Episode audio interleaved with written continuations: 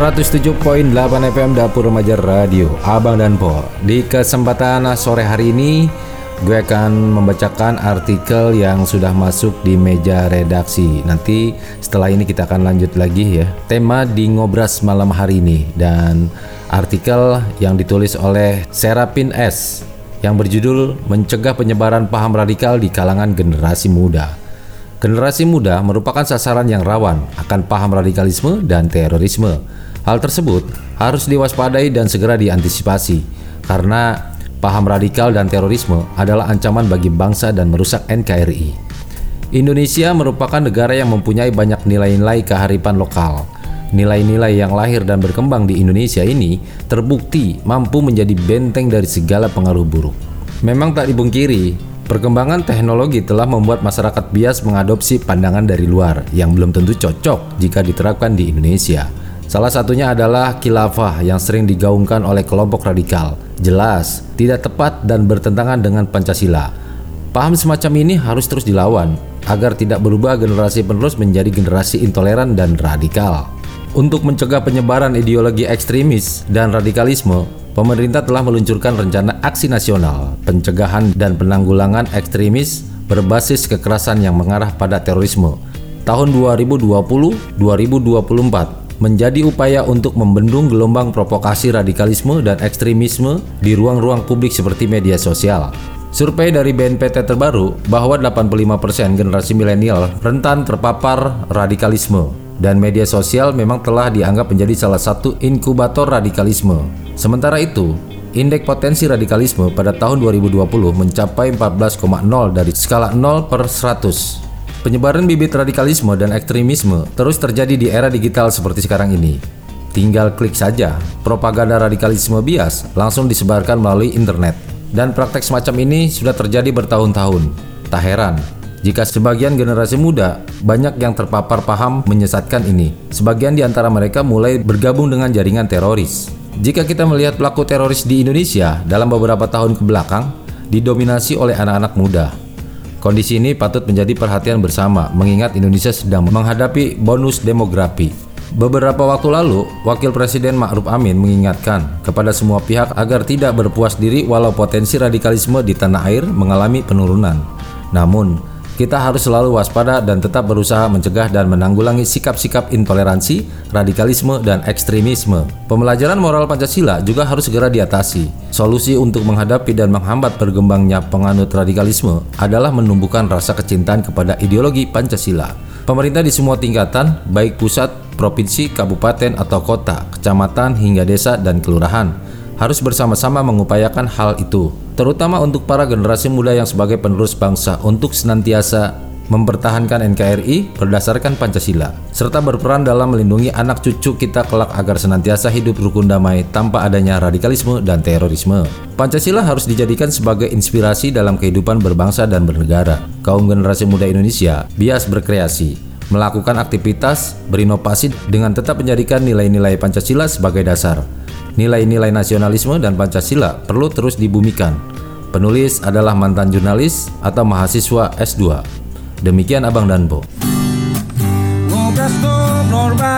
bersama. Dapur Remaja. Dapur Remaja Yeah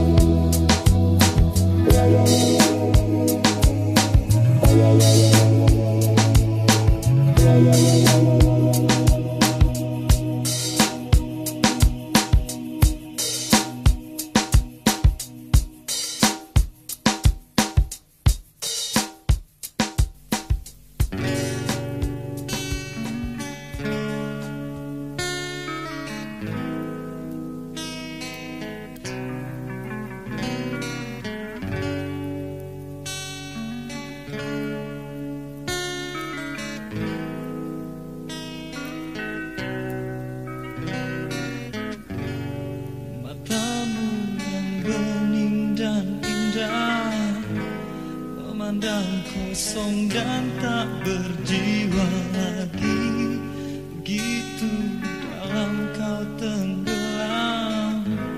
Tertelan duka yang tak berkesudahan Menanti datangnya kasih. Yang takkan pernah tiba berbagi rasa